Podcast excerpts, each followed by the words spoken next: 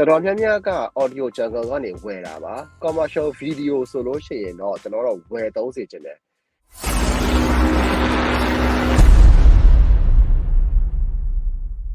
ကိုအောင်ကျော်မိုးမေးထားတာကိုအောင်ကျော်မိုးကအကိုတို့ Facebook commercial video တွေအတွက် background music ကိုဘယ်ရရှာလဲတဲ့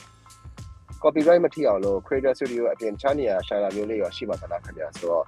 တော်တော်များများက audio jungle ကနေဝယ်တာပါ commercial video ဆိုလို့ရှိရင်တော့ကျွန်တော်တို့ဝယ်သုံးစေချင်တယ်အဲကျွန်တော်ပြောရမယ်ဆိုလို့ရှိရင်အခု TikTok မှာတင်နေတဲ့ Instagram မှာတင်နေတဲ့ကျွန်တော် Axel Alex ရဲ့အာ PG music က background music ကကျွန်တော်ဝယ်ပေးထားတာ audio jungle ကနေပြီးတော့ right ဆိုတော့ဟို audio jungle မှာတော်တော်လေးစောစောစောနေရှိရပါတော့ပြီးတော့ story blog ဆိုတဲ့တခုရှိရအဲ့ဒါလည်းဝယ်ရတာဆိုတော့ကျတော့အဲ commercial video တော့ရိုက်နေမှတော့လေကျွန်တော်ကတော့ဝယ်30ကျင်တယ်ဆိုတော့အာ ဘယ်ဘယ်မှပေးရတာမဟုတ်တာကျွန်တော်တို့မှ9ဒေါ်လာ10ဒေါ်လာလောက်ပဲပေးနေရတာအများဆုံးမှဒေါ်လာ20လောက်ရှိတာပါဆိုတော့ကျတော့ commercial video ကြီးတစ်ခုလုံးရိုက်နေရဆိုလို့ရှိရင်တော့ဝယ်သုံးပေါ့လေနော်အဲ့တော့အများကြီးပို့ပြီးတော့အဆင်ပြေနေပါတယ်